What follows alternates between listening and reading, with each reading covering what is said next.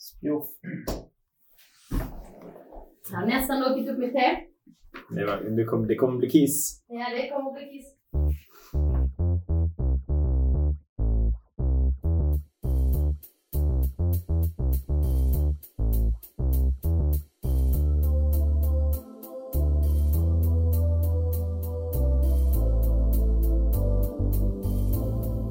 Hallå och välkomna till ännu ett avsnitt av eh, Vad gör ni? Idag har jag Emanuel här såklart. Jajamän. Och eh, vi har även med oss idag en eh, speciell liten gäst. Du kanske vill presentera dig själv? Ja, tack så mycket. Uh, Lukas Sjöström. Jag uh, är här för att uh, prata lite nackdelar. Mm. Det var ett riktigt bra ämne.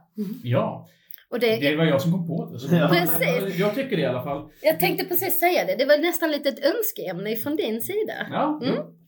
Uh, men jag har ju spelat rollspel i, som blir det, 23 år någonting. Och skriver även rollspel. Uh, har skrivit en del till E.ON. Som alla andra gäster. Jajamensan. om, ni, om ni slutar ta in folk som skriver till E.ON så kommer ni snart kanske ta in någon som inte bor i Malmö eller vad som helst. Ja, Och så kanske folk börjar lyssna på oss också. Ja. Nej, jag skojar. Men sen så har jag också skrivit ett spel som heter Travelers on a Red Road. Mm. Och precis som Joel fick prata om sin stridsbok så ska ju självklart du få prata lite grann om detta. Så the stage is yours. Jag hör det där väldigt operativa lite grann i din formulering.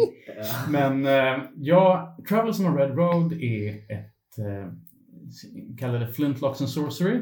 Ja, det är en lite säregen spelvärld i det att den egentligen bygger på någon slags kontrafaktiskt historieskrivande där eh, det är en fantasykultur som bygger på någon slags tankar om hur skulle en kultur, en renässansartad kultur som uppstår runt norra Stilla havet, alltså i Sibirien och nordvästra Nordamerika se ut.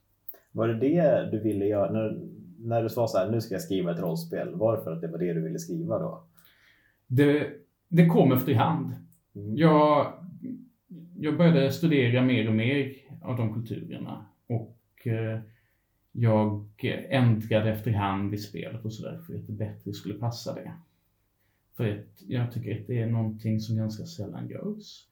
Och eh, jag tycker att det blev också det blev en intressant utmaning att skapa någonting unikt som liksom inte bara är att man så här, tar grejer från de här kulturerna. För det hade ju varit orimligt. Om, det ska ändå vara en renässanskultur också. Det skulle typ vara som någon skulle säga, ah, men nu ska vi ha en renässanskultur baserad på om det hade utvecklats självständigt här i Norden. Och så är alla typ bara vikingar fast med pickadoller. Det, det, här- det hade inte varit ett genomtänkt världsbygge.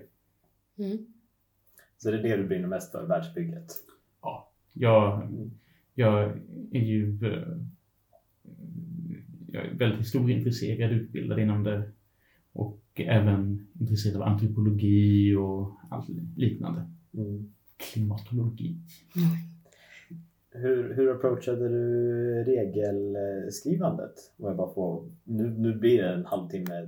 Du kommer prata om det här. Nej men det är okej. Ja, nej, men tycker- nej men jag, det är jätteintressant, absolut. Om du hade någon, eh, hur, hur, om du vill länka samman dem på något sätt? Alltså de själva liksom, spelmekaniska reglerna och världen eller så? Jag sket i vad jag tyckte var, var väldesignade rollspel. Ja. För att jag insåg att eh, de spel vars regler faktiskt gav mig ah, liksom att jag tyckte att det var kul att liksom, oj, här så finns någon skoj liten detalj och sådär. De var sällan de liksom här tajtaste och mest eh, eh strömlinjeformade sammanhållna spelen och sådär. Inte heller de spel som hade liksom så här mest universell mekanik, nu ska allting lösas på ett och samma vis. Det- De var inte... Det var inte det som hade gett mig mest, så jag slängde ut det. Mm. Utan tänkte att här så vill jag ha ett system där det ska finnas egenheter, det ska finnas uh, sätt att uh, Alltså saker som inte är självklara, saker som inte är här kan man göra lite som man vill. Det, det är något av tristaste jag vet. Med spelen där författare liksom säger ja, här har vi en, här har vi en mekanik och så, så kan du hitta på vilken kosmetik du vill till det. Mhm. Det, det tycker jag blir eh, platt. Mm. Så jag har försökt undvika det. Sen så har jag inte, så har jag såklart bara tagit vissa saker jag tycker om och också försökt göra spelet så att eh, det ska inte vara för svårt att begripa Mm. eh, om man spelat andra spel tidigare. Det finns ingen poäng med att göra nya saker bara för att. Eh, vi har ett gemensamt språk i den här hobbyn och det, Mm. det kan man använda sig av. Och också att eh, spelet ska vara robust, det vill säga att om man, om man missuppfattar någon regel eller sådär, inte hela världen. Det ska liksom inte vara så att balansen kollapsar eller att grejer blir helt åt helvete för att man missuppfattat en grej. Ja, men det låter bra. Det låter som en sund approach till det hela. Ja? Måste jag jag, säga. har, jag har ju tyvärr inte spelat det här rollspelet. Inte du heller. Nej, när skulle vi ha hunnit? eh, vad jag säger så här, viljan finns. Eh, Ja, alltså det var ju någonting lite grann att vi började göra den här podden för att vi skulle spela alla våra spel som vi hade liggande. Ja. och Traverse on the Red Road är ju en av dem. Liksom. mm. Men ja, sen... Eh, det, det, vi har ju spelat lite. ja, Det finns lite AP-material som vi bara inte har släppt. som vi bara inte har släppt än och som vi inte riktigt har klippt än. Det är väl där problemet är, att tiden räcker ju inte till. Ja, alltså det är det här att jag, ska se, att jag har sålt in det här spelet till mina intensivt upptagna rollspelarkompisar. Så enkelt är det. Ja, Just nu är det bara Star Wars eh, eller eh, Go Home liksom. Ja. Mm. jag har blivit förälskad i ett, i ett spelsystem för en gångs skull. Eh, vilket jag brukar vara så här mo- emot. Men Mm. det kan vi ta i en annan diskussion. Innan vi lämnar Traverse on Red Road vill jag bara fråga, har du, ska du ge ut någonting mer till det? Eller är det en bok, one and done? Jag vill ge ut mer till det. Mm. Det som jag funderar på nu är dels en stadsskildring med tillhörande äventyr Mm. och dels en um, lite längre fram så har jag funderat på lite utökade magiregler. Mm. Stadsskildringar vet jag ju att du är bra på. För jag har ju spelat eh, Avgrundens parlament. Just det ja. Ja. Eh, däremot eh, så var jag tvungen att lägga till lite ledtrådar för det passade inte min spelgrupp att det var ganska öppet så att säga. Ja. Nej, så att, men, eh, men det funkar bra. ja. Mm, så att, och det var ju en, en riktigt liksom härlig Ja, världsbeskrivning där. Så att, eh, eller stadsbeskrivning. Förlåt, jag var bara, men det är du som har skrivit Avgrundens parlament alltså? Ja. Ja. Så tack för den bra researchen jag gjorde. ja, ett, ett äventyr till Eon för de Ja. som inte spelar Eon. Förlåt, ja det skulle Ja. jag ju sagt. Of Mm. course. Mm. Det- ja. ja. Mm, Jag tänkte, när du gjorde ditt spel, Ja. var, var det viktigt för dig att det skulle finnas nackdelar i det? ja, För att? Därför att jag, jag tycker det är coolt med rollpersoner som är så här lite trasiga. Mm. Uh, däremot så var det också viktigt för mig att uh, nackdelarna faktiskt hade vikt. Mm. För det är någonting som jag upplevt i vissa spel att de, vissa spel gör liksom nackdelar som är rena beteendemönster som sen inte riktigt har någon mekanisk vikt. Mm. Utan det är bara, ja men du är så här som du kanske hade kunnat bestämma dig för att spela din rollperson ändå. Mm. Mm. Men du ville ha liksom en regelteknisk förankring i nackdelarna? Ja. Mm. Och jag ville också ha uh, att rollpersoner ska bli ärrade och förändrade Mm. av sina äventyr. Men med det sagt, då är ju nackdelar självklara i en bra berättelse.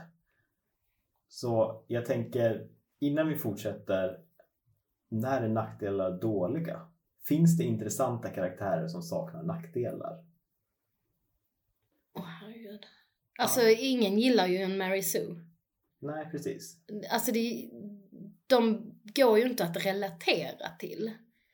Alltså någon som är sådär överdrivet perfekt och kan allt och liksom aldrig behöver förlita sig på någon annan utan alltid reder upp mm, saken själv. Ehm, eller jag, jag vet inte, det kanske bara är jag. Men jag kan inte relatera till en sån karaktär i alla fall. Nej, det jag tycker är intressant här är vad vi då menar med nackdelar. För att rollspelsregler brukar göra vissa sorts distinktioner här. Att vi kan prata om att det de, de flesta rollspel med ja, regler som bygger på liksom den här main, huvudfrågan i, eh, i eh, regeldesignen brukar ofta ha så här, ja men vi har lite grundegenskaper eller liknande, vi har färdigheter och så kanske vi har så här för och nackdelar som vi lägger till. Så att man kan ju då till exempel ha en rollperson som är ja, väldigt svag. Och det är inte en nackdel, det är, jag har lågt i styrka, det är Ja, liksom något annat. Eller, Mm. eller en rollperson som inte är läskunnig, det är, men jag har inget färdighetsvärde i läsa och skriva. Så nackdelar brukar ju då vigas för sådana bekymmer som ligger lite utanför skopet för de här andra grejerna.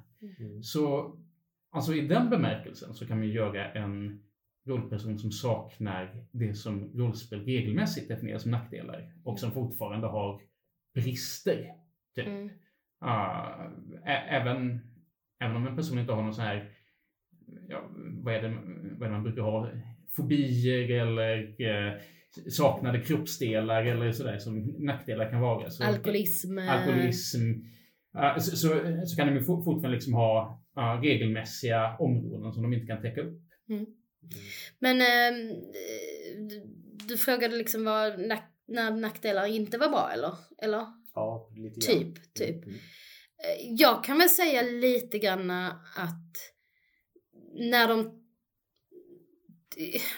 när de tar för mycket fokus mer än att till, alltså när det blir liksom mer än att bara tillföra till storyn, till eh, karaktärsutvecklingar, till relationer. Utan istället blir det något fokus. Alltså, jag vet att vi har jag vet inte om det har varit i podden eller om det har varit när vi har pratat liksom på, på, alltså oss emellan. Men det här faktum att många spelar ju gärna en, kanske en tjuv som är väldigt tjuvaktig och alltid ska stjäla saker vad de än är. Mm. Alltså alltid lyfter liksom prylar och så här. Eh, jag vet inte, det, jag kan ju tänka mig, men det är väl ändå en, en rolig sak, men, men är det det man ska lägga fokus på liksom? Jag vet inte. Jag, det kanske bara blir jobbigt efter ett tag. Det kan ju lätt få en, en kampanj att degenerera på något sätt. Mm. Om vissa nackdelar uh, spelas ut för mycket. Uh, om man spelar en person som är väldigt tjuvaktig eller rent utav mordisk så kan det här leda till att rollpersonen begår brott som gör att hen inte kan uh, fungera normalt i samhället längre. Alltså folk kommer vilja eh, ha tag på en och uh, slå ihjäl en eller åtminstone köra ut den med kägor och fjädrar. Mm. Och då har liksom då har kampanjen degenererat. Att antingen så får rollpersonen fejsa konsekvenserna för sina handlingar och det ställer till en massa bekymmer för då, så, då blir det att allt fokus läggs på det. Mm. För de kommer ju inte go gently into that dark night utan de kommer ju äh, kämpa emot det här. Något, Rage. något våldsamt. Rage, rage against the... Mm. Och sen så Alternativet är ju att man inte låter de här handlingarna få så mycket konsekvenser och det, då, då förstör man spelvärldens integritet. Ja, och då är, vad är poängen med att ha dem från första början då i så fall? Varför tillåta nackdelar om man ska ignorera dem? Ja, Då kan, man, kan det ju lika gärna kvitta. Visst, jag vet att det finns ju system som, ja men tar du nackdel så får du extra poäng vid karaktärsskapandet eller eh, du vet liksom. ja. Eh, Det ska ju inte bara vara en sån, åh nu ska jag ha en massa extra poäng och nu tar jag en massa nackdelar ju. Och så kan vi ignorera dem resten av spelet sen liksom. ja det, är ju en sån här klassiker att man, man väljer nackdelar som är eh, som är lite sådär att ja, men det här kommer inte komma upp i spel. Mm. Ah, typ, jag har en ond tvilling på en annan planet. Ja, ja det, mm, uh, jag, har en, en stark fobi för Wolfram. Förlåt. Jag vet att vi har pratat om detta i ett, i en, ett poddavsnitt eh, tidigare. Men eh, när, jag spel, när vi var yngre och jag spelade MUTANT, eh, en hemmasnickrad variant av MUTANT, så hade vi en spelare i, eh, i gruppen och hennes, hennes, eh, när hennes mutation missfirade Mm. så fick hon liksom en, vad ska man säga, en nackdel. Och det var nymfomani. Ah, Jo, jo, men hallå, vi var typ 19. Ja. Alltså det var ju då 18, ni- vi var 18, 19. Vi, man, det, det tyckte man var coolt då liksom. Hö, hö, hö. Så i början var det ju liksom lite roligt varenda gång hennes, hennes son kickade in. Men efter ett tag så var det ju bara liksom alla vid spelbordet satt ju bara Åh, inte nu igen liksom. Och, och så, alltså då, då blev ju hennes nackdel någonting som förstörde för gruppen. Jag tycker visserligen att det låter som att, som att det kanske var en lärorik erfarenhet. Att det, att det börjar så här, skoj, nymfomani. Ja. Och, och sen så blir det verkligen så här, uff, Ja, ja precis. Ja, precis.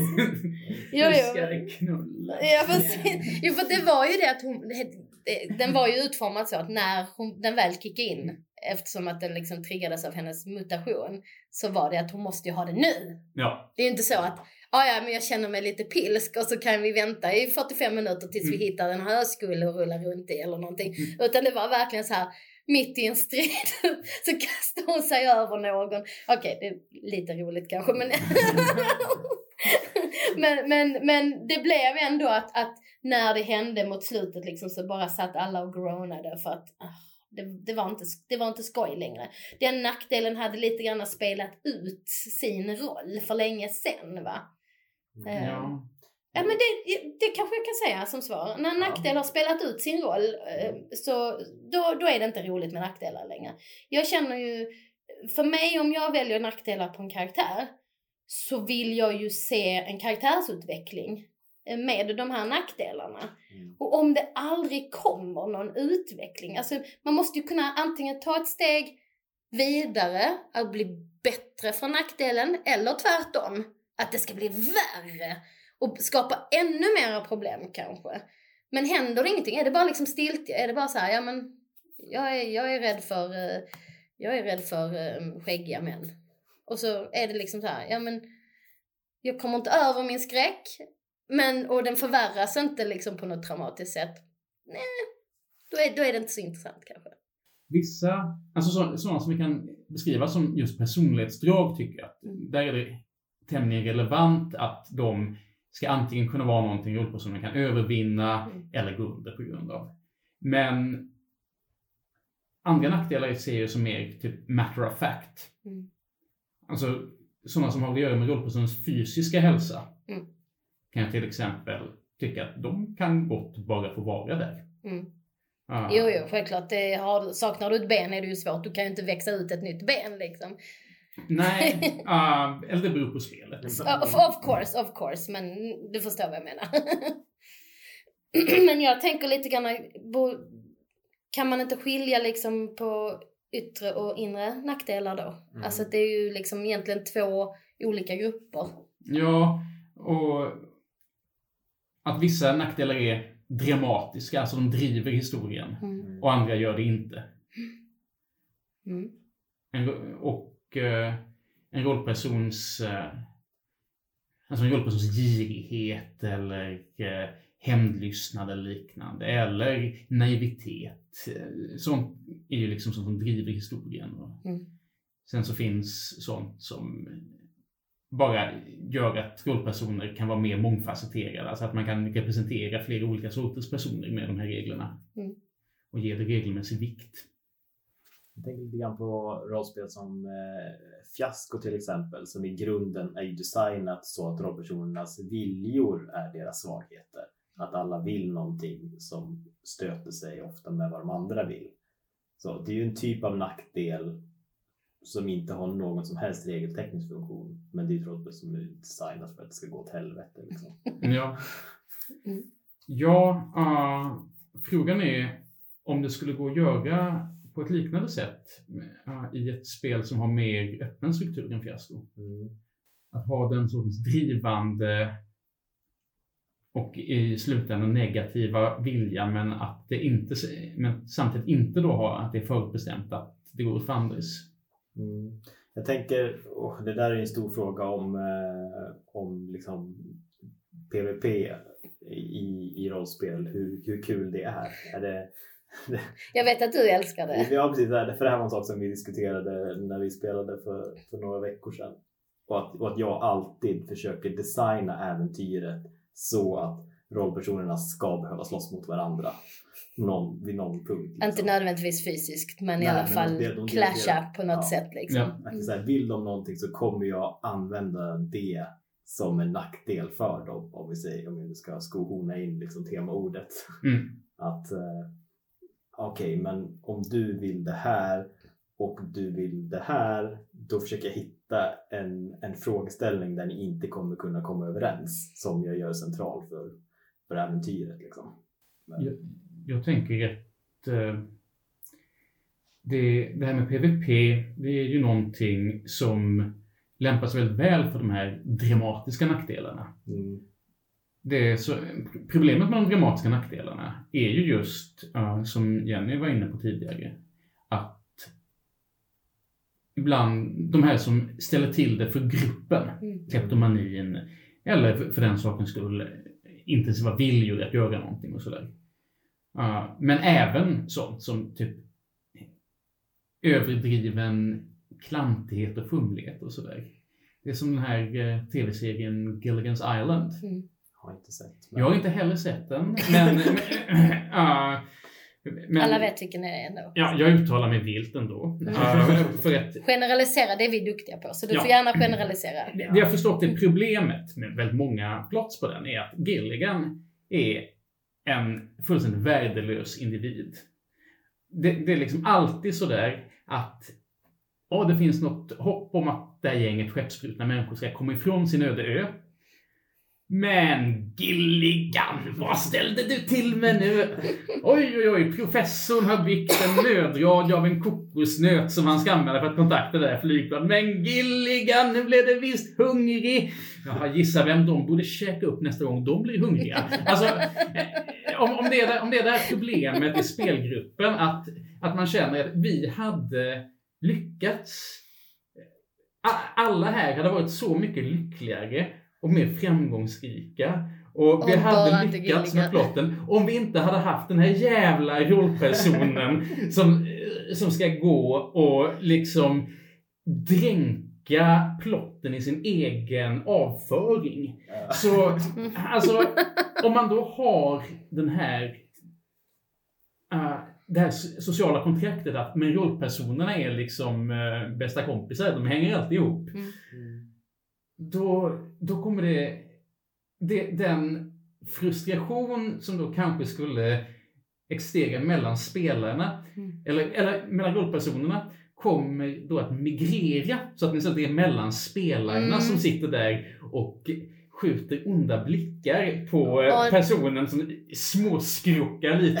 för att nu så, nu så har vargmannen Wolf minsann pinkat på benet på ytterligare en dignitär de behövde hålla sig väl med. Ja, ja, ja. Och, och då rent plötsligt så sitter Jenny och Emanuel här och då vi ser inte längre liksom vargmannen Wolf utan vi ser ju Lukas som ännu en gång ställer till det för oss. Ja, exakt. och och det, det är ju synd, det, det är synd för så ska det ju inte behöva bli. Mm. Ja, Ja. det- är ju exakt samma sak som, som eh, nymfomanin där också. Ja. Att det blir. Men jag pratade ju med Ola, vän av podden, igår om det här faktiskt. Vän av podden. Ja. det var det var Ola, vän av podden. Ja. Mm. Eh, och han sa ju då att det blir alltid tråkigt när nackdelarna hindrar en från att spela sin rollperson. Mm. Till exempel att jag spelar en barbar så jag kan inte vara med i den här scenen. Eller jag spelar en robot så jag kan inte vara med i den här scenen. Eller jag spelar en kvinna. Det är alltid där man hamnar. Men det är ju så många rollspel är det också en nackdel. Liksom. Och då får, då får den min rollperson får sitta snällt utanför och vänta medan de andra spelar på grund av min nackdel. Och då är det inte så kul längre med nackdelar. Det finns ju en nackdel som är den värsta på det här. Mm. Den som... Jag, har- jag har träffat en hel del rollspelare som, som sagt att ja, ja, en gång en gång så hade jag den här idén att det vore coolt att göra en rollperson med just den här nackdelen. Testa det. Men det blev bara skittråkigt. Kan ni gissa vilken? Enstöring. Man skulle kunna tro det. Dödsdrift. Hemlighetsfull. Ja, just det. Värre. Stum. Åh, gud. Ja, ja, ja. ja det, det, det klarar inte jag. Det har, jag, jag tag, tanken har aldrig ens slagit mig. Tanken har slagit mig. Jag är Mm. väldigt pepp på att spela en stum karaktär. Ol, vä- vänta, jag tror Ola faktiskt gjorde det tämligen väl och han hade rätt sköj. Så, Mm. ja, men det var, jag vet inte, det, det var Apocalypse World. Jag tror att eh, det funkade lite för att man kunde gå in i det här primala sådär. Ja, ja, ja. Ja, jag tänkte på, eh, jag har ju sett, eh, varför bryr någon sig, men jag har kollat på alla de Apornas planet-filmerna nyligen. Mm, mm. Och jag tycker det är jättegulligt att aporna pratar teckenspråk med varandra. Och det skulle man ju kunna göra som en grej. Att man är stum, men du kan fortfarande kommunicera på olika sätt. Så du ska kräva att hela spelgruppen ska kunna lära sig teckenspråk? Jag är lite sugen på att i Star Wars spela en robot så att jag bara så här... "Oi, pop, pop, pop, pop." Och så alla bara, ja precis. du får ha skriva bredvid liksom vad det är du säger. Jag, jag la faktiskt in dövhet som en nackdel i Travelers on a Red Road. Mm. eh, Som ju då har liknande problem när det gäller just muntlig kommunikation. Men där, där skrev jag att ett antagande för den här nackdelen är att rollpersonen faktiskt kan läsa på läppar. Mm. Mm. Men typ, och en, en, om jag bara ska knyta tillbaka till det vi pratade om tidigare med, med Apornas planet. Att då eh, sades det i mitt hem när vi kollade på det här att, att de, de var bra men det var lite väl mycket Stefan och Christer. Och jag har aldrig hört någon kalla Apornas planet för Stefan och Christer. Och jag tänkte, är det mimiken? Nej, men för att all, den klassiska plott eller konflikten i, i, i något sånt är att någon har råkat vara på fel plats i fel tillfälle, hade en peruk på sig, råkar komma ut ur en garderob och det blir lite förväxling och det blir lite tokigheter. Och att allting skulle kunna lösa sig om de bara berättade som det var. Mm. Men, men innehöll Apornas planet något tillfälle att någon säger liksom Åh, är det brännevin? det var li- lite så. Att, så här, Alltså det gör ont i hela kroppen på mig bara att tänka på Stefan och Christer. Ja, men det är väldigt roligt och, och, det, och det, bara, det, föll, det var som polletten trillade ner. Att alla konflikter som bara kan lösa sig av att någon berättar hur det är, Mm. eh, är svaga konflikter. Eh, vad- vad skulle jag säga med det om nackdelar? Apornas planet, teckenspråk, eh, spela stum. Ja, men, ja, men lite det här med att jag har byggt en radio av den här kokosnöten. Hade du bara sagt det till alla Mm. så hade inte någon kunnat råka äta upp den. Liksom. Alltså lite grann så. Ja, på tal om Stefan och Christer, jag funderar ju också på, på det. Eller, nej, men hur nackdelar kan vara framade väldigt olika. Ja. Alltså att beroende på uh, hur, hur man gör med dem så kan ju nackdelar ge antingen liksom tragedi eller fars. Mm. Mm. Eh, Fars är ju tragedi spelad i dubbel hastighet liksom. Jag tänker att man kan ju ha liksom någonting, en gripande historia om en person vars liksom uh, girighet och härsklystnad leder till hemska saker och så vidare. Mm. Eller så kan man ha uh, liksom så här, jul, uh, julbiten i Emil i Lönneberga när kommandoran ramlar i varggropen för att hon ser en korv och liksom kommer där och vill ha den. Och, och beroende på hur man väljer att behandla nackdelar Mm. så om man inte är försiktig så kan ju enkelt falla över i den här farsen om man liksom Mm. svettas med dem även i, i det lilla. Mm. Att, eh, att någon kanske spelar den här rollpersonen som ramlar i en grop för att de vill ha en korv. Mm. Det är Ja. jätteroligt. För min nackdel är ju såklart att jag är köttälskare. Ja. så spelledaren bara, "Ah, nu ska vi få in den här nackdelen på något sätt då. ja, vi gör en varggrop med en korv. Men, men det, kän, det känns som en sån typisk nackdel som är kanske lite mer kosmetik och Mm. gestaltning än att den ger liksom substantiella bekymmer, vare sig att den utvecklar plotten på ett visst vis Mm. Mm. eller att den uh, att den liksom skadar en rollpersons förmåga att göra saker. Mm. Mm. precis, för det hade kunnat vara skitballt. Det hade kunnat bli den här fransk-belgiska filmen Raw, om ni har sett den. Mm, Nej. Ja, om, en, om en tjej på ett en sån här äh, veterinärsuniversitet som blir beroende av att äta kött. Ah, Och så blir det någon kannibalism, body horror shit liksom. Wow, det låter som en trevlig film. Jag ska Jättebra se film, den genast. den, var, den marknadsfördes på Göteborgs filmfestival som att människor kräktes i salongen när de såg den. Så jag bara yes, den här ska vi se. Ja, eh, ja, Kräktes du? Nej, men jag varit lite illamående för jag såg för blod. Men eh, Ja, det, var- det var ingen lyckad referens från min sida eftersom ingen hade sett ja, det, det, det blir lite svårt, men Ja. jag förstår köttälskargrejen. Ja. Ja, men jag tänker att vissa nackdelar är ju mer kosmetik än något annat. Mm. Ibland så behöver de inte ens vara så här uttalade. Om jag till exempel gör Ja, ja, men, eh, jag spelar Call of Cthulhu. Mm. Jag, jag gör en professor, klassisk karaktärstyp liksom.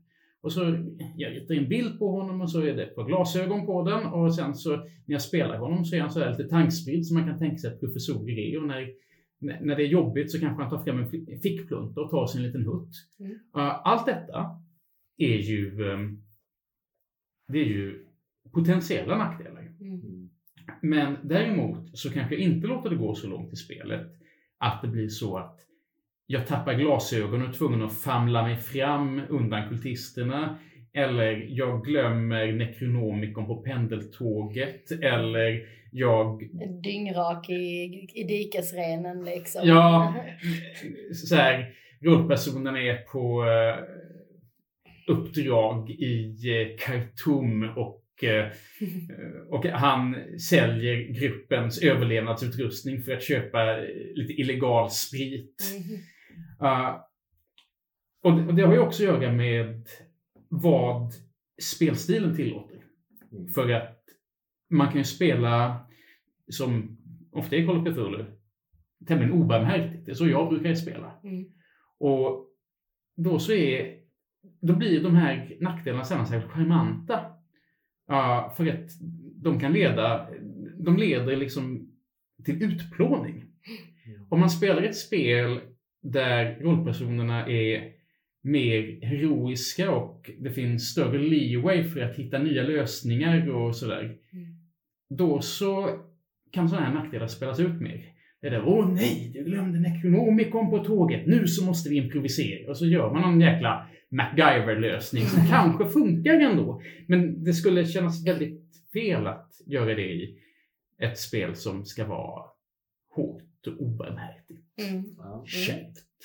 Absolut. det, är en bra, det är en bra utgångspunkt där för att Call of Cthulhu till exempel har väl inget regelsystem för nackdelar, tror jag.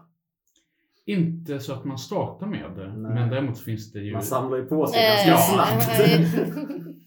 Kommer som en lavin. Ja, vad tycker ni om det? Alltså att nackdelar som inte är en del av designen på rollpersonen till att börja med, utan som man får under spelets lopp med mer eller mindre kontroll över hur detta sker. Uh, jag är ju en sucker för liksom att börja med nackdelar. Absolut. Jag tycker ju det är jätteroligt. Eh, så länge det är, har en vettig förankring så har jag nog inga problem med det. Eh, skulle jag till exempel eh, vid flera speltillfällen spela på att min karaktär är en eh, kvinnokar Mm. och kan inte låta bli så fort han ser en kvinna. och spelledaren till slut liksom menar på att ja men du har numera fem poängs liksom nackdel som heter kvinnokar liksom. Då hade jag väl eh, inte haft några problem med det. Men däremot om vi hade spelat i ett antal tillfällen och jag inte ens liksom lyft ett finger åt en kvinna och rent plötsligt så säger jag spelarna, ja förresten, eh, du har numera en nackdel på fem poäng som heter kvinnokar. Mm. Jag bara, men jag kanske inte ens gillar kvinnor, jag vet inte liksom. Så, så känns det ju inte så förankrat och motiverat kanske. Nej, jag tänker på typ som i Call of Cthulhu, där är det ju mer eller mindre slumpmässigt vad du drabbas av för nackdelar. Du, Mm. Något hemskt händer, du ser något hemskt, du tappar din sanity och sen så när du kommer tillbaka så har du något ny spännande mental störning. Mm. Eller, eller eh, Eon till exempel har ju dels det med skräck och nedbrytning och sen också motsvarande fysiska grejer. Att om du ger dig in i strid så finns risk att du får bitar avkapade eller tänder utslagna eller sådär. Och nu med magiboken så har vi ju fältstörningar också. Just det, ja. Mm. alltså bonkers grejer. Den bästa är att din hand ramlar av, kryper iväg, gräver ner sig och växer ut en kopia av dig själv. Liksom man bara, va?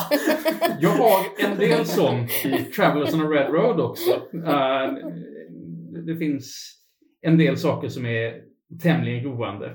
Eh, Gällande magi då eller? Ja, uh, man, det, det finns risk att man uh, ja, får kroppsdelar utbytta mot sin familjars kroppsdelar. Och, e- Eller att uh, man, man kom, kommer rätt skratta istället för att gråta och tvärtom. Ah. All mat smakar aska, all dryck vinäger. Mm. Uh, men jag tänker också under spelets lopp att liksom, om du spelar här kvinnokanon, det är liksom i linje med din karaktärisering hela tiden. Och sen, sen så går du in i strid och får snoppen avhuggen. Precis. Är det fortfarande kul att spela karaktären då? Ja. ja, äh, nej, För äh, det finns väl annat man kan göra än... Man måste inte ha en snopp. ja, det är sant. Men- alltså- Jag, jag, jag, jag, jag bara föreställer mig att, den, att det mest att en stereotyp kvinnokarl är uh, centrerad vid sin egen fallos. Ja, jag, alltså jag, jag, kan, jag kan ju inte som, som kvinna då eh, och liksom identifiera mig, en cis-kvinna liksom, kan, väldigt svårt för mig att sätta mig in i hur pass djup den här fixeringen vid fallosen är. Eh, Så att jag kanske inte, hade det varit ett, ett rättvisande porträtt av en, en karl som hade blivit av med snoppen så Mm. kanske jag inte hade, hade det kanske inte varit lika roligt att spela en kvinnokarl. Absolut inte. Eller, eller, om man, eller om man får liksom ett saftigt vanställande hugg mitt i ansiktet så att hans eh, liksom, chanser att förföra någon blir eh, avsevärt försämrade och sådär. Alltså, Eller en stomipåse så att alltid när liksom, om man är nära någon så, så, här, så kläms den åt och så Ja. kommer det lite bajs. är det fortfarande kul att spela den här karaktärskaraktären då? Mm,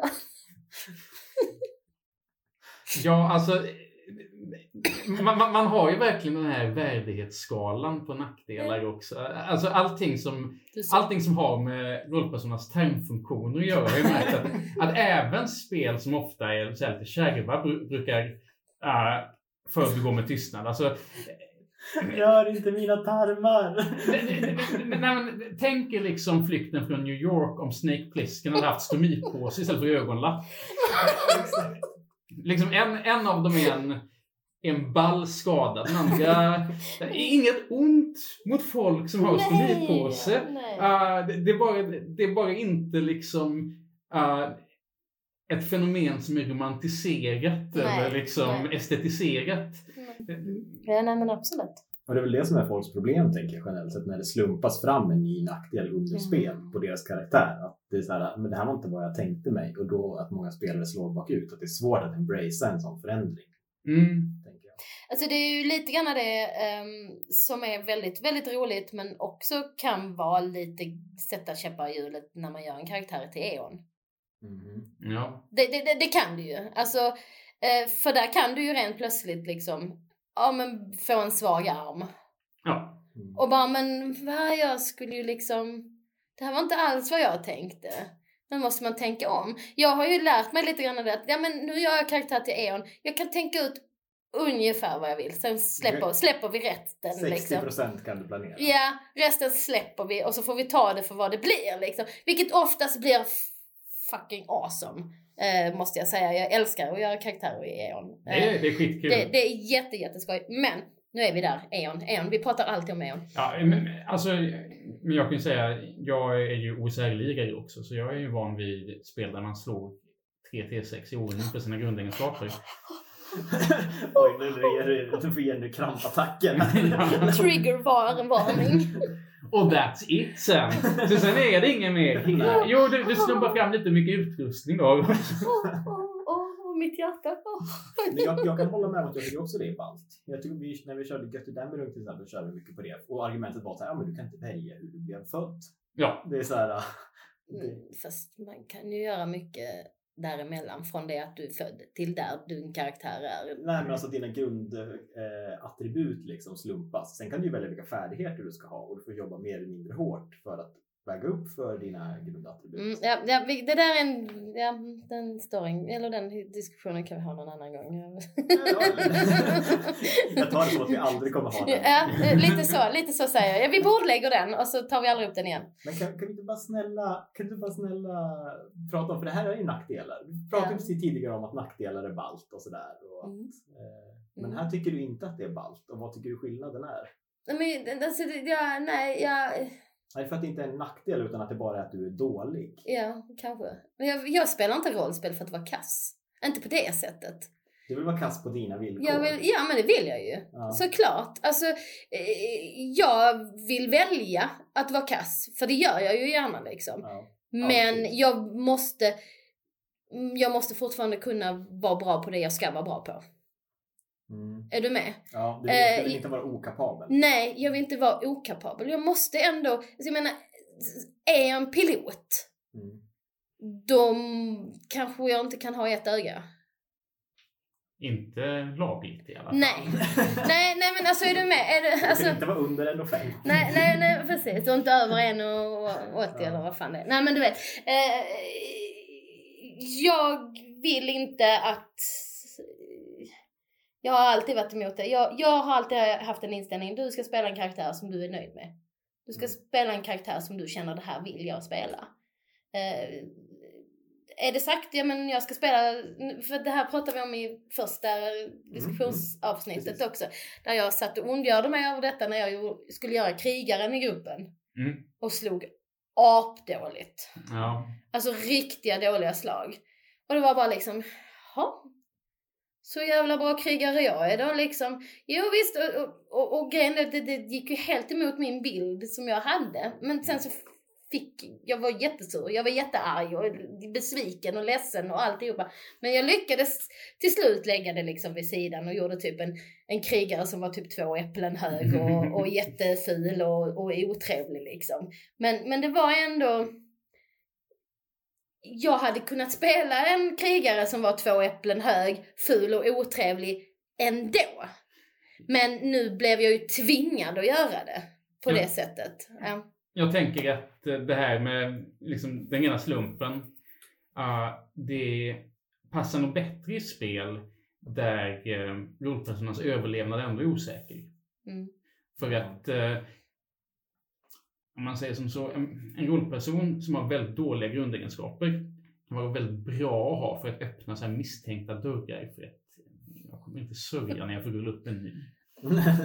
Fast jag vet inte, jag investerar nog alldeles för mycket i alla mina karaktärer för att kunna ha den eh, inställningen. Men ta typ en sån här en, en grej, nu ska jag tillbaka till min, mina favoritspel Mass Effect där. Där har ju piloten där, han har ju sån här brittle bone disease. Just det. Mm. Så att han, han, han, är, han är världens bästa pilot. Men alltså så här, typ, men ramlar han i trappen så dör han liksom.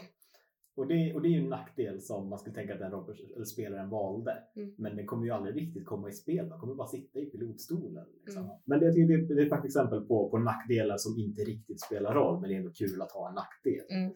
Ja. Nu kom jag på tänka på ett helt, en helt annan grej. Eh, Coriolis har ju ett system Precis vad jag skulle ta upp. där man vid karaktärsskapande väljer en nackdel. Men detta har ju en ganska, kan ha en ganska stor impact på din karaktär.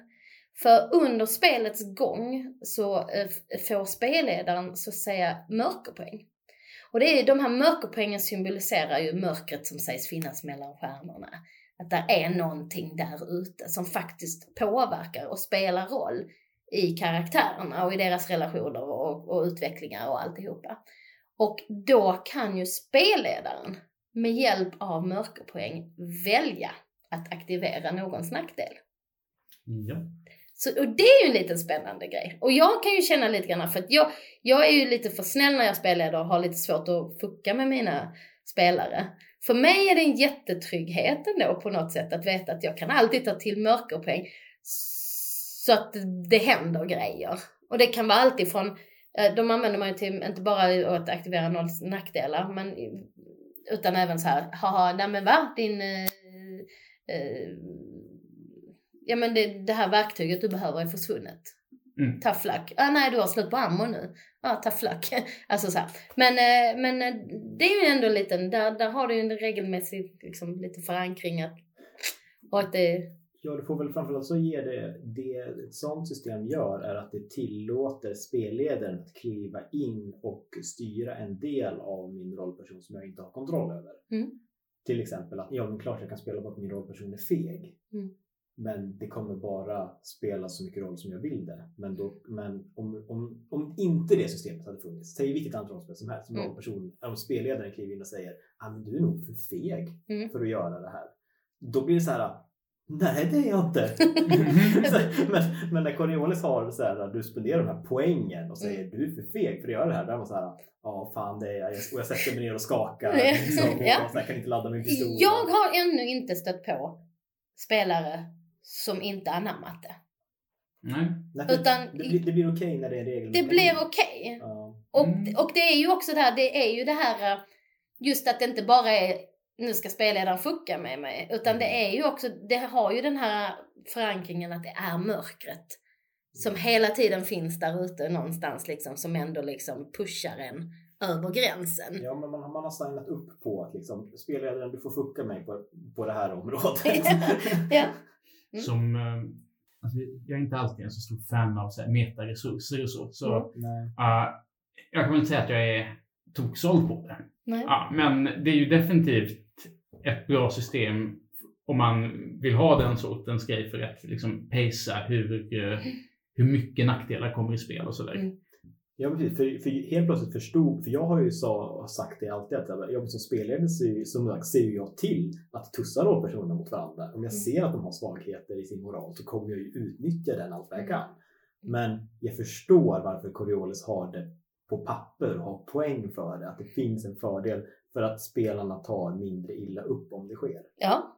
Vi hade, ja, det, här kan vara en side-note, liksom, men, och det har inte riktigt med nackdelar att göra. Men en väldigt sån avgörande grej var ju i Star Wars där du, Jenny och Daniel eh, fick säga vad er högsta önskning var och bara Åh fy fan vad ångest det för, var. för de, var- de var i en situation där liksom deras öden flätade samman och helt plötsligt så fick bara en av dem kunna uppnå sin inre dröm. Oh. Ehm, Det var ångest. Fy fan vilken ångest. ja, och då valde ju du då att Han sa, man har ju Destiny points som är Precis. ungefär, man flippar ju ett, eh, från en ljus till mörk tid där och så mm, han kan spelledaren använda det mot spelaren. Och i detta fallet så hade vi ett Destiny point som vi kunde nyttja. och det var ju då jag valde att introducera det här momentet. Och då sa han, nej men ni kan ju flippa varsitt Destiny point för att få lov att uppnå era drömmar. Att det finns en chans för att era drömmar blir verklighet liksom. Och det var jobbigt. Typ, Men grejen var då att det här är ingenting som finns i reglerna. Det här var någonting som jag hittade på i äventyret. Mm. Vilket gjorde att det var ett litet övertramp på era rollpersoner. Att säga "Nu- du kommer aldrig kunna bli den du vill bli. Liksom. Eh, Och det fick, har ju fått sina konsekvenser. det har fått sina konsekvenser. Men, men, men, så här, men det, det kan tas så fel från spelarna Mm. om man gör något sånt. Liksom. Um, Nu är vi ju ganska trygga i den gruppen. Absolut, men det hade kunnat, men det är samma sak. Eller så här, ja, men jag spelar kvinnokar och sen så säger jag som spelare, ja förresten, nu har du fått syfilis. Mm. det är så här, va? ja, det har du. det är liksom, alltså så här, som spelare kan du alltid hitta på sådana saker, men det känns mycket mer okej Mm. eh, om man som i Coriolis har. Ja, ja, men precis. Och för mig då som har lite svårt att vara elak mot mina spelare så är det rätt skönt att ha den, ja men det är inte jag. Mm, ja. Alltså för, för att jag, jag kan lite grann fjärma mig från den elaka rollen men ändå få lov att vara elak. Eh, att, att du känner att nej men då är det inte, det är inte jag, det är inte Jenny som sitter och jobbar mot, mot Lukas och mot Emanuel. Utan det är ju faktiskt Jenny som representerar mörkret som jobbar mot era karaktärer liksom. Och, och det ger mig en liten disconnect och kan få mig att få göra lite elaka saker som jag är väldigt dålig på att göra. Jag eh, tror att i och med att jag kommer mer från liksom OSR-hållet Mm. så tror jag att den rollen snarare uppfylls av liksom slumptabeller för min del. Ah, ja, såklart. Att äh, det är inte så att jag introducerar, här kommer ett monster för att döda er, utan Mm. jag, jag eller äventyret har på förhand bestämt att det är en på sex chans Mm, mm. varje timme att ett monster Ja, ja, ja, precis. Ja, Och ja, det- det är en det- annan approach Ja, enkelt. och det, det är också liksom så här uh, elakhet fast uh, medierad av reglerna. Mm, mm, absolut. Eh, jag, jag kan ju då berätta då ifall folk sitter och väntar eh, med andan i halsen här att eh, vad som hände i den här situationen var att min karaktär valde då att eh, flippa det här sista Destiny pointet för att Daniels karaktär skulle få lov att upp, uppnå sitt mål. Här, men- för att han, han är light-sided paragon och det, ja, men det, var, det fanns inget annat val liksom för honom. Precis. Men, här, men, men, det, men det var en liten jobbig stund för dig. Ja, Det var runt jättejobbigt. Just då. Det var jättejobbigt. Det var det. Och det var ju jättetufft efteråt. Och sen, det hela ledde till att han lämnade gruppen liksom. Mm. För att han kände, jag kommer ändå aldrig kunna få det jag vill. Så nu ska jag bara bry mig om mig själv. Och så drog han typ. Mm. ja, ja eh, i vilket fall som helst. Eh, jag, eh, jag har en eh, grej som Mm. jag bara tänkt på. Jag vet inte riktigt om det här är relevant för någonting men jag, jag var, tyckte det var så himla intressant när jag läste det eh, för ett tag sedan. Det är Fantasy Flight Games rollspel End of the World. Känner Mm. ni till det? Yes. Nej. Det Idén- idén- finns väl i olika tappningar. Ja, ja, fyra olika versioner baserat på hur världen går under. Zombieapokalyps. Eh, Revolt of the Machines, Ja. Alien Invasion och Wrath of the Gods. Mm. Eh, det uspen i det spelet är att du spelar dig själv. Mm. Du är en rollperson som är dig själv. Och eh, då, har, då, då är regelsystemet uppbyggt så här att du väljer eh, du har tre stycken kategorier av färdigheter. Om det är fysiska, mentala och sociala. Och sen så ska du välja en positiv egenskap och en negativ egenskap inom varje kategori. Uh, och då har de skrivit, jag ska försöka hitta det här uh, i, i regelsystemet. Då har de skrivit så här. att man, eller så här, man ska välja positiva, bla bla bla. Och sen välja negativa. Uh, If it spoils your ability to enjoy the game, there is no need to use this as a feature.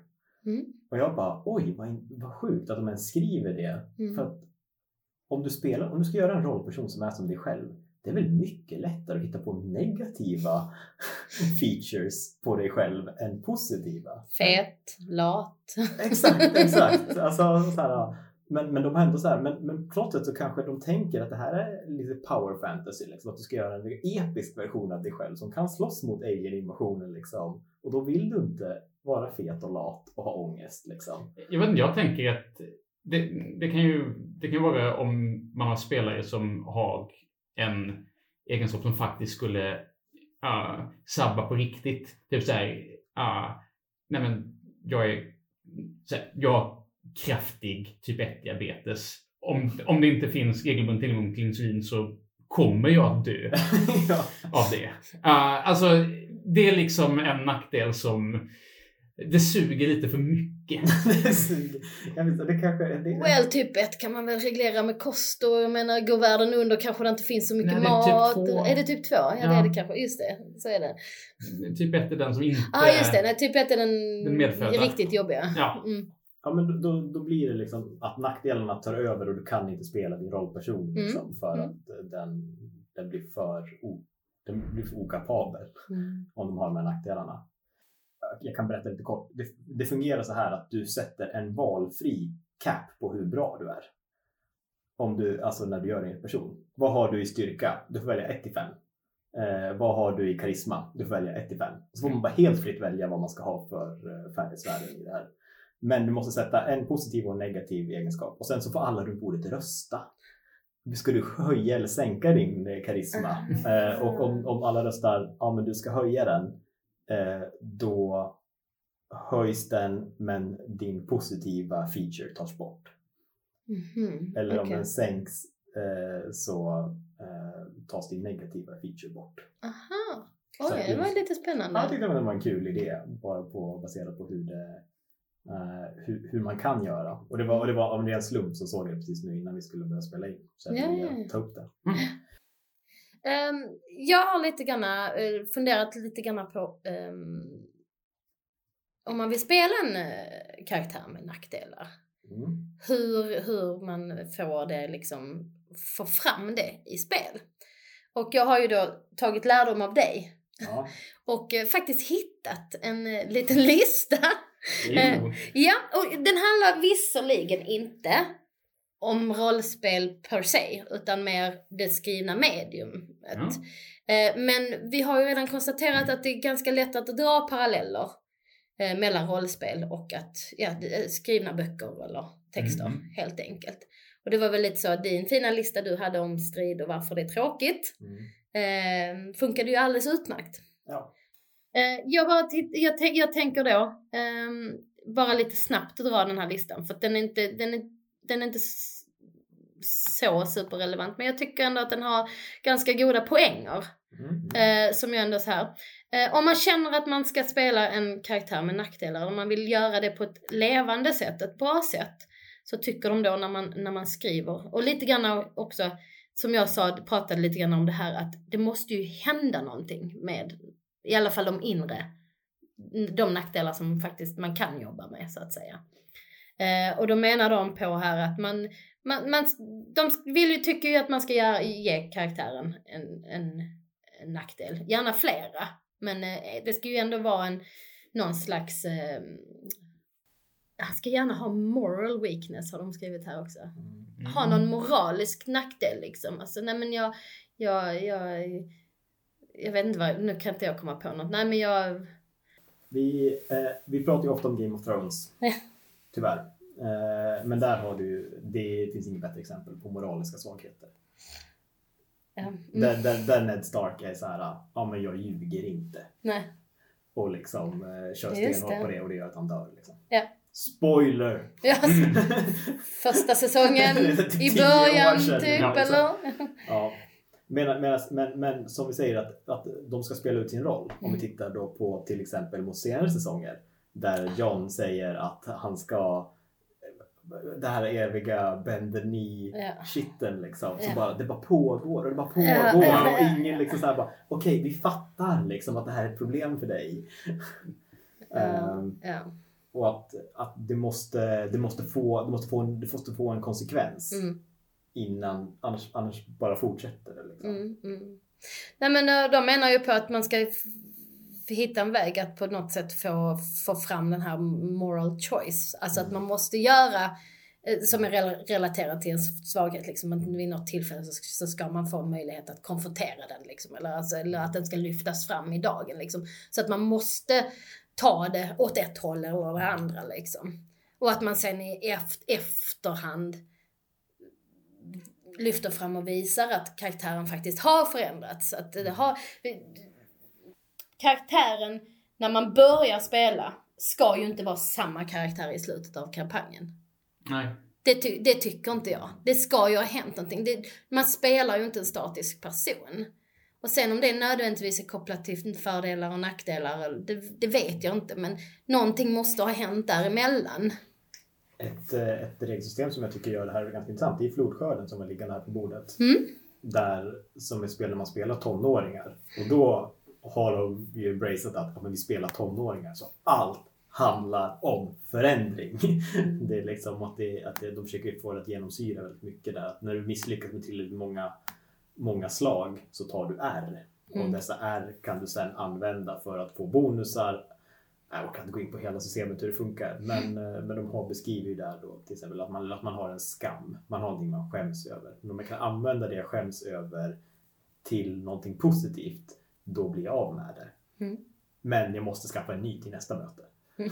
för att det kommer aldrig. Du, kom, du, måste, du måste alltid ha en skam Ja, för att du är det- Ma- tonåring. Mamma är alkoholist eller mina föräldrar ska skiljas. Precis, eller... då, då kan det vara som, som exempel då att ja, men, alla tror att jag eh, också kommer bli alkoholist. Liksom. Men om jag någon gång stoppar någon kompis från att göra någonting dumt så kan jag då säga att jag vill använda min skam för att Mm. ja, Men man lyfter fram, men du kollar nu här liksom. Mm. Ja. Mm. Jag tänker bara på när Joakim Lindegren gjorde en sån här parodi på självbiografiska ångestfyllda tonårsserier.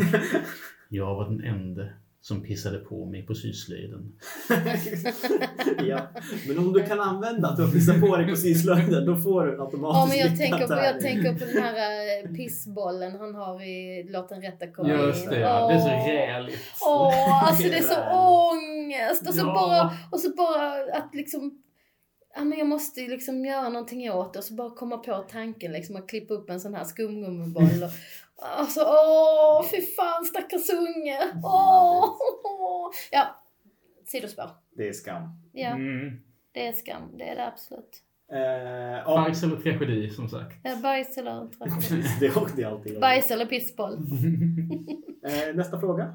Nej, har vi fler frågor? Jaha, nej, det nej, var men jag, nej men jag, jag, det var bara en snabb lista liksom. Att, eh, Okej, ja. Nej men att just det här att, att den måste lyftas fram och, och liksom eh, konfronteras på något Mm. vis. Eller i alla fall blottas. Men moraliska nackdelar tycker jag är bra, för det har vi inte Mm. pratat om tidigare. Det har vi inte Så pratat om alls. Det var bra att du fick Jag har pratat om yttre och eh, inre så att säga. Mm. Eh, Jag har ångest eller jag har ett, jag har ett halvt... Ja, eller stomipåse liksom. Mm. Men de moraliska nackdelarna då? Mm. Jag är en lögnare. Är den moralisk? Alltså, det viktiga är ju att de är på något vis eh, mer än bara liksom ett karaktärsdrag utan att det är Mm. på något vis tvingande nästan. Mm, mm. Ja, att, och jag menar, det är så...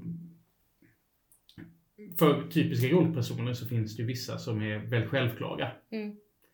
Jag är girig. Mm. Mm. Ja, du, är, du jobbar som äventyrare för att leva. Jag, jag är våldsbenägen. Ja, det är också rimligt. Men också att jag är kroniskt hjälpsam.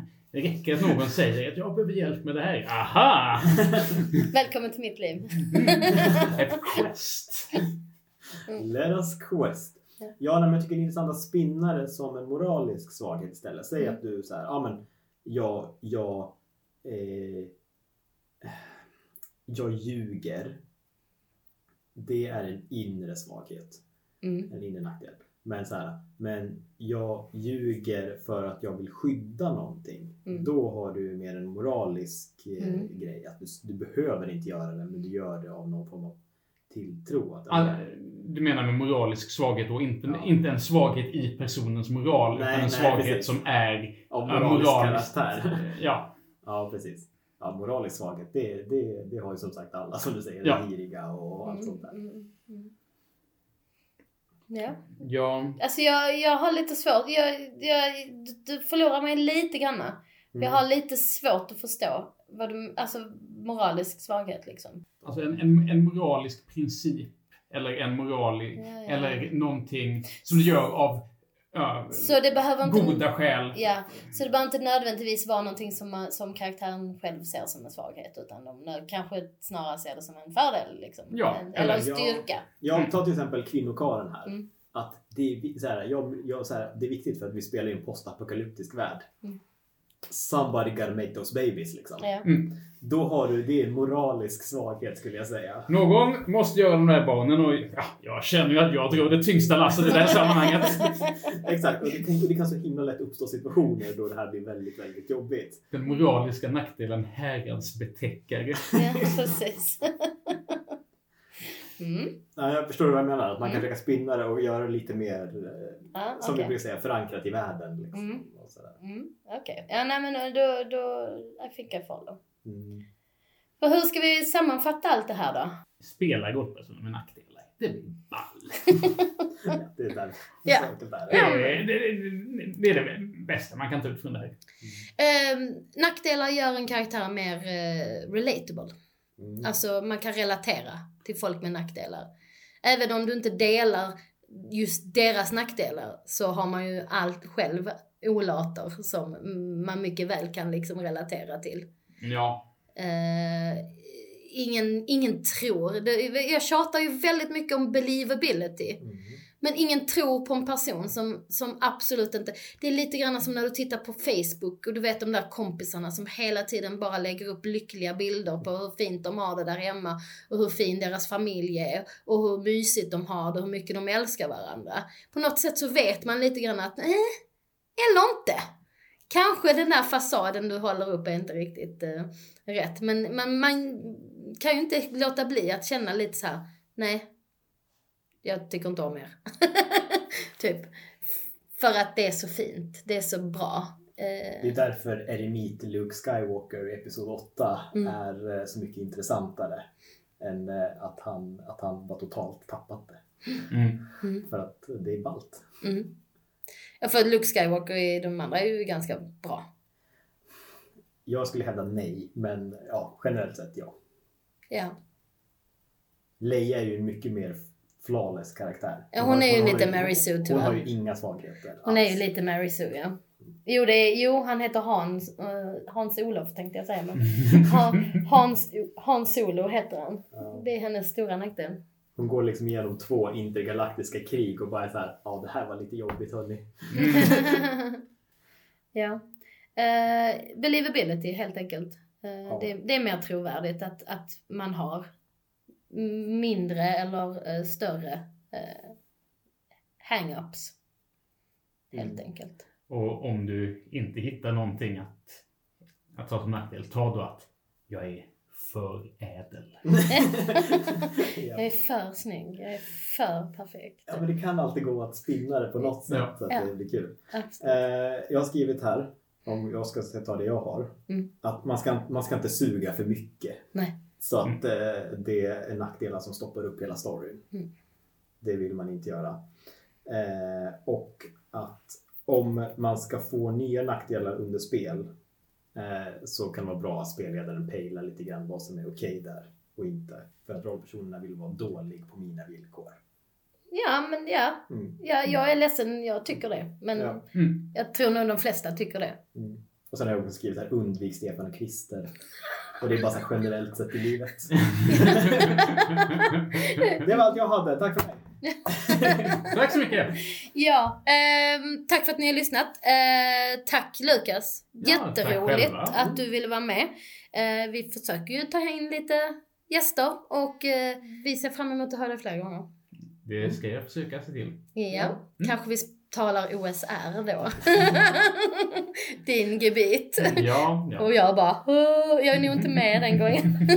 Om du får hoppa in som vikarie om Jenny är sjuk någon gång. Vi får ha någon annan Jenny då. Ja.